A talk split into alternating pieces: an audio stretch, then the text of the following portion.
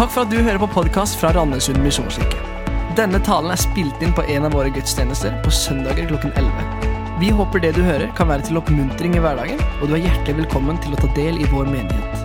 Gå inn på mkirken.no eller Randesund misjonskirke på Facebook for mer info.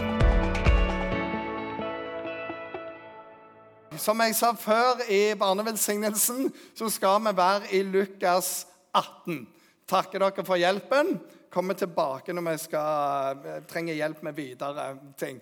Men spørsmålet er hva skal jeg gjøre for å få det evige liv?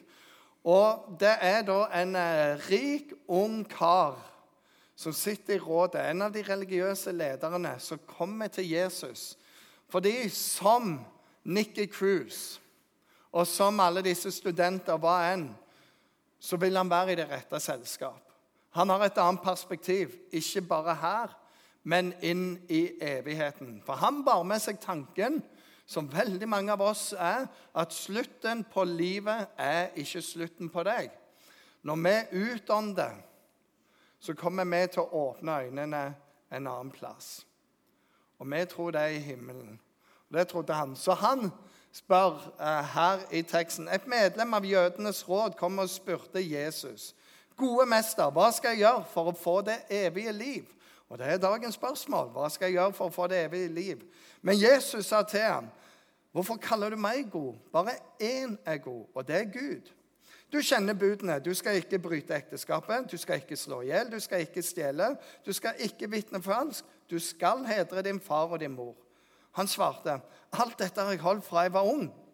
Da Jesus hørte det, sa han, 'Det er én ting som mangler deg. Selv alt du eier, og del pengene ut til de fattige. Da skal du få en skatt i himmelen. Kom så og følg meg.' Mannen ble bedrøvet da han hørte dette, for han var svært rik. Og Det er to andre tekster i Bibelen som omtaler akkurat dette òg. Og vi leser der at han gikk sin vei. Da var det møtet ferdig. Og så var hans ønske det evige liv. I dag når jeg sto opp, så kom minstemann, han er syv år nå. Og han hadde òg et spørsmål om dette. For han sa du, nå er, når kompisen min når blir blir veldig, veldig gamle og skal dø blir vi gamle i himmelen? Da er himmelen egentlig bare et gamlehjem. Og Det var en syvåring som hadde da ligget og, og, Hvordan skal du fortelle liksom, at nei, vi forvandles, og det, det, det, blir litt annerledes? Hvordan ser vi ut? Vil vi kjenne hverandre igjen? Men han lurte på dette her. Og dette spørsmålet for min egen del har òg Hva skal jeg gjøre for å få det evige liv? Eh, deler av det har holdt meg våken når jeg var eh, liten. Redselen for døden. Hvordan blir det? Hva skjer da? Hva skjer etterpå? Jeg er sikker på at jeg kommer der jeg skal. Og Det er lagd utrolig mange forestillinger om hva som skjer. Du blir gjenskapt som noe annet. Det er ganske finurlig. Du får en plass fylt av jomfruer, din egen planet. Det er ingenting etterpå. Så hva er din tanke om det? Og hvor henter du den tanken ifra? Når vi leser i Bibelen, så står det at livet har to utganger.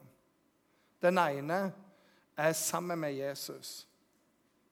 Og den andre, den er uten ham. Der Gud ikke er.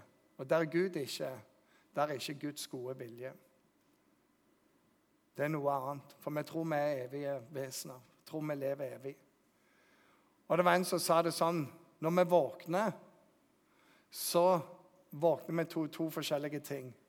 De som har sagt til Gud 'Din vilje skje', skal være med Han. Og de som har sagt nei til Gud, kommer Gud til å si 'Din vilje skje'. Så hvor er du i dette? Hva tenker du etter døden? Min sønn tenker at alle gamle der, så jeg vet ikke hvor, hvor det plasserer oss. Videre så svarer Jesus, når han svarer, 'Hvorfor kaller du meg god?' Bare én er god, og det er Gud. Og Noe av dette som er hos Jesus, det er at vi må vite hvem som er god. Hvor all godhet kommer ifra. C.S. Lewis, kjent for veldig mange, han ville ikke tro på Gud fordi det var så mye vondt i verden. Det var så mye ondt. Og sa, Hvordan kan en god Gud tillate all ondskap? Hvordan kan en Gud tillate at det er krig og elendighet? Hvorfor stanser ikke Gud alle de som gjør vonde ting?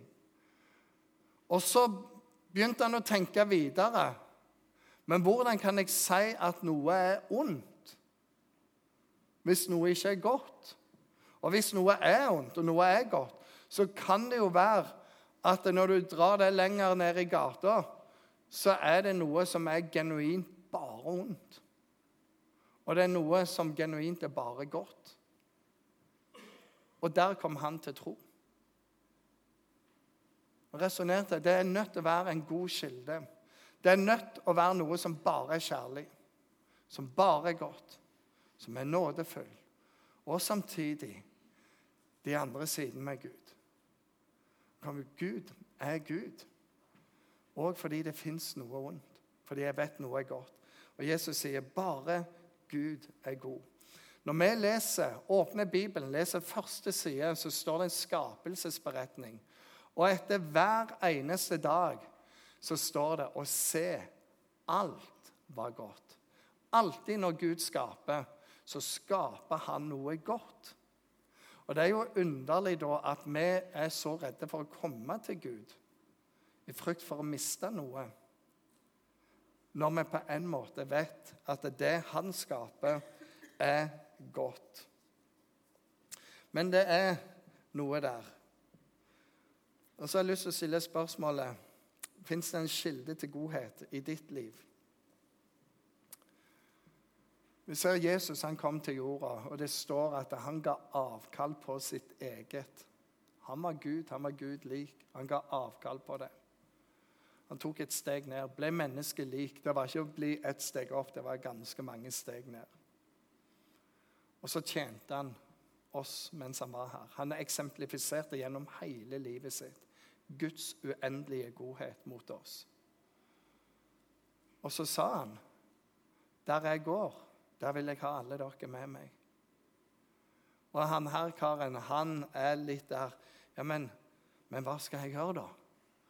Og hans utgangstanke var at du må holde bud. Eh, for en jøde så var det viktig å holde over 600 påbud og forbud for å gjøre deg fortjent til Gud. Og Det er det Jesus svarer litt på her. Ja, men Da må du holde alle budene da, hvis du skal gjøre hvis du skal få denne veien. Og så, wow, jeg har klart alt det der. Og så er jo Jesus rimelig radikal litt seinere her. Selg alt det du eier, og del pengene ut til de fattige. Boom. Det hadde han ikke gjort, for han var svært rik. Og han var ikke forberedt på det. Og det verset der, det er ikke veldig lett.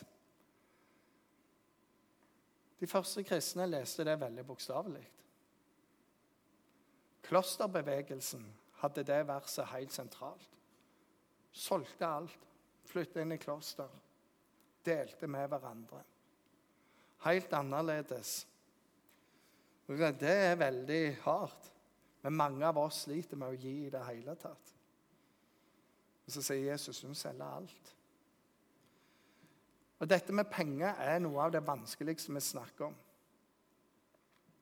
Det er noe av det vi jager mest, og det er noe av det som jager oss mest. I ekteskap så er penger noe av det vanskeligste. Det er der vi krangler mest veldig mange ganger. Hva skal vi bruke på, hva skal vi ikke? Hvor mye skal vi bruke, hvor mye skal vi spare? Hva skal vi investere i, hva skal vi ikke gjøre? Og det dukker opp noe der og det har konsekvenser. Og så tror vi ikke at Jesus mener at hvis du skal bli en kristen, så må du selge alt. Vi tror ikke det. Men for denne mannen så var det det viktigste. Jeg har mitt, og så følger jeg masse regler. Og sier, men Hvis du vil gjøre deg fortjent til frelse, så må du gjøre det. Det er gjerningenes vei. Og så går han bedrøvet bort. Og i dag, før i barnevelsignelsen, var vi noen vers før der Jesus tar opp barn på fanget og velsigner dem. Hvis vi blar rett videre, kommer vi til kapittel 19. Der finner vi en annen rik mann som ville komme til Jesus. Og han, han heter Sakkeus. Og teksten er bak der. Og så Det står Jesus kom inn i Jeriko og dro gjennom byen. Der var det en mann som het Sakkeus. Han var overtoller og, igjen, og svært rik. Han ville se hvem Jesus var, men han kunne ikke komme til folkemengden, for han var liten av vekst. Da løp han i forveien, klatret opp i et morbærtre for å se ham på et sted han måtte komme forbi. Og Da Jesus kom dit, så han opp og sa til ham, 'Sakkeus, skynd deg ned, for i dag vil jeg ta inn hos deg.' Han skyndte seg der ned og tok imot ham med glede. Men alle som så det, murra. Og så sier de han tar inn hos en syndig mann. Jesus gjør det. Men Sekeus sto fram og sa til Herren, 'Herre, halvparten av alt det jeg eier, det vil jeg gi til de fattige.' 'Og har jeg presset penger av noen, skal de få firedobbelt igjen.' Da sa Jesus til han, 'I dag har frelse kommet til dette huset, for også han er en Abrahams sønn.' For menneskesønnen er kommet for å lete etter de bortkomne og berge dem. To, to rike menn To møter med Jesus, og så stanser all likhet. Han ene from og god på alle måter. Han andre ville vi kalt en quisling. Han jobbet for okkupasjonsmakten, han berikte seg på sitt eget folk. Og han hadde lov å presse dem for penger med okkupasjonsmaktens velsignelse. Han var hatet av alle, mislikt av alle. Men Jesus tar imot han. For Jesus sier òg Gud er god. Og Guds arme står ut for alle mennesker. Og det rare er at det er han som er from, han går slukøret bort. Mens han som vet hvor elendig han er, han har funnet en glede som bare boom! Og når han sier den setningen, så blir han rimelig fattig. Halvparten er ut der, og resten har pressa noe han hadde pressa noe. De skal få firedobbelt igjen. Good luck. Det er bare gone. Men det var noe større i han. Og Jesus sier det i en lignelse. Himmelriket det er som en skatt som en mann fant i en åker. Han ser han, dekker han til igjen, går bort, selger alt han eier, og så kjøper han det. For der ligger skatten hans. Og hvis vi spoler tilbake igjen i kapittel 18, når vi kun vært i 18 og 19, så starter kapittel 18 med en historie som ligner på forskjellen mellom Sakkeus og denne rike mannen. Er ikke det interessant at den rike mannen har ikke et navn engang? Spørsmålet er hvor identiteten hans er. Men Sakkeus han har et navn. Det burde jo vært omvendt. Er du rik, er du from, har du alle med deg, jeg ser folk opp til deg, så bør du ha et navn. Er du som Sakkeus, så bør du ikke ha et navn, men det er motsatt. Det er interessant. Og Kapittel 18 starter med denne historien. Det var to menn som gikk opp til tempelet for å be. Den ene, en fariseer, en vellykket mann, gjorde alt riktig i livet. Han stiller seg øverst med tempelet og begynner å be. Far, jeg takker deg for du ser meg. Jeg gir tiende av alt jeg eier. Jeg gir almisser. Jeg synder ikke. Og så ser han nede der er det en annen jeg er ikke sånn som han der, Gud. Han er en elendige der som gjør så mye feil, som bruker feil ord, som vanner deg, som bryter alle bud. Takk, Herre. Og så går han. Og så går kameraet ned til hjørnet, og der står denne andre mannen. Så Han slår seg for brystet. Han våger ikke å se opp engang. Og så sier han bare, 'Gud, Vær meg synder nådig. Og Jesus sier, han gikk rettferdig hjem. Han andre ikke. Hvem kommer du som, og hvem kommer du til? Og Det er utrolig med Guds rike, for det er opp ned. Og Jesus sier 'kom'. Og noe av denne rikdommen, det handler om at hvis du skal ha tak i Jesus, så må du gi slipp. Det står du kan ikke ha to guder. Du må velge. Skal det være mammon, altså pengegud, eller skal det være Gud som er din forsørger? Du kan ikke ha begge. Har du lov å tjene penger? Oh yes. Har du lov å spare? Ja, det har du. Men hvor er hjertet ditt? Hvem er din forsørger egentlig? Hvor setter du din tillit? Hvor er ditt håp? Hva tenker du om de pengene? Hva tenker du om det du eier? Er det ditt, eller er du en forvalter? Hvor er du? I sommer så fikk jeg og familien lov å være hos noen venner i USA. Og Gud har velsigna dem. De har hatt et fantastisk arbeidsliv. De har tjent utrolig godt, og pensjonen ser rimelig grei ut, den òg. Og så var det sånn for noen år siden at de skulle kjøpe seg ei hytte. Og Så kommer de en plass, og så ser de den hytta som er der, og så sier de det er ikke vår hytte, den er altfor stor.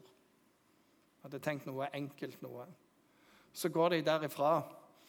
Og den natta så opplever hun at Gud taler til henne. Og så, så får de ordene. Men det er jo ikke deres hytte, det er jo min hytte. Jeg trenger en plass hvor pastorer og misjonærer kan reise og finne krefter. Da kjøpte de det stedet, og så bygde de på. Og det var fra noen soverom til veldig mye. Det er veldig OK der. Vi fikk være der. Når vi skulle til USA, og det kom de for øre, så sa de du, vi har ei hytte, har dere lyst til å låne den noen dager? Og så sa vi ja, det kan vi. Og de sa ikke Vi tenkte det var enkelt. Og så kommer vi der bort med vannskuter med en båt som bare sånn som amerikanere kan lage. De har liksom sofaen utpå. Sånn. Det, det, det, er veldig eget, det der. Og så dro vi opp motoren og sa hvis det ser ut som en racing car motor engine That's because it is. og det var bare flat pedal. Og vi koste oss og kom til krefter. Og så forteller de om lovsangsledere, pastorer, misjonærer, bibelgrupper som kommer opp der, og så ber de. Og mellom hvert eneste besøk så reiser en av de to opp der og gjør området bare vakkert. For å si det er det vi vil. Det ønsker vi å gi til dem. Skjønner du? Og hele deres vesen er sånn. Hvordan kan vi velsigne andre med det vi sjøl er velsigna med? Og vi fikk lov å nyte det. Det var, det var fantastisk. Men i denne teksten så er hovedspørsmålet dette Hva skal jeg gjøre for å få det evige liv? Og så er noe av greia her At det er ikke noe du skal gjøre, for det er gjort. Jesus gjorde det for oss. Du og meg, vi klarer ikke å leve perfekt. Jeg skal ikke veldig langt inn i en ny dag før det blir uperfekt. Litt morgenguggestemning i heimen vår, og så er vi i gang. sant? Vi trenger nåde, hele gjengen. Jesus gjorde det for oss. Du kan ikke bli frelst med gjerninger. Det går ikke. Men Jesus gjorde det. For han kom og levde det livet for oss døde og tok straffen på seg og sto opp igjen, så vi kan ta imot ham og leve igjen. Det er et par interessante vers. For ikke noe menneske blir eh, rettferdig for Gud pga. gjerninger. Ingen blir pga. gjerninger, som loven krever. Ved loven lærer vi synden å kjenne. Det vil si, når du prøver å holde alle disse over 600 påbud og forbud, så finner du ut det har du ikke sjans på. Og Noen jøder de har prøvd å omskrive dette så de klarer det likevel, men de klarer det ikke. Så det eneste du finner ut, er hvor mislykka du er. Ingen av oss klarer det.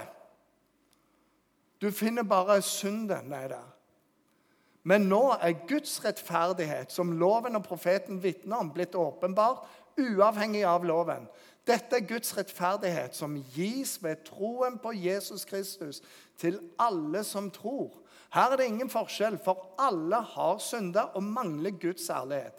Men ufortjent og av Hans nåde blir de kjent rettferdige, frikjøpt i Kristus. Det er helt fantastisk. Hvis du skulle sette kriteriet hvem som fortjener å komme til himmelen eller ikke, hvor skal du sitte det bare hen? Ja, du vet, de var, de var veldig bra mennesker. I forhold til hva? Bedre enn? Og for å stille spørsmål hvem fortjener ikke å gå til himmelen? I forhold til hvem? Og Det kriteriet vil alltid være forskjellig. Men så kommer det kriteriet her. De som tar imot Jesus. Ja, Men jeg har gjort alt feil de som tar imot Jesus. Det er så enkelt. Og det er derfor Jo mer du har med i bagasjen, jo mer glad blir du. For du vet 'Jeg fortjener det ikke'. Nei, det er riktig. Du har forstått det. Ingen av oss fortjener det. Men han har gjort det ferdig for oss. Og Hele romerbrevet hadde en liste herrene, om gjerninger. Så sa glem det. Nåden alene. Jesus gjorde det for deg. Og vi hopper heller over til Efesene. For av nåde er vi frelst ved tro. Det er gratis. Du tror, tar imot, og så er du på vei til himmelen. Det er ikke deres verk, for det er en Guds gave. Det hviler ikke på gjerninger for at ingen skal skryte av seg sjøl. Vet jeg prektig, og det var det denne unge mannen gjør. Jeg har holdt alltid sammen. Uh -uh. Går ikke an å skryte seg inn i himmelen. For vi er Hans verk, skapt i Kristus Jesus til gode gjerninger, som Gud på forhånd har lagt ferdige for at vi skulle vandre i dem. Du blir født på ny, for en ny identitet. Og så er du på vei til himmelen. Mester, hva skal jeg gjøre for å få det evige liv? Ta imot det som er ferdig. Og til denne pengegreia så var issuet hans han holdt så fast med det. Jeg liker actionfilmer. Og mange av disse filmene Indiana Jones det vitner om hvor gammel jeg er her. Eh, så er det mange av de at de kommer inn i ei eller annen grotte, og der er skatten.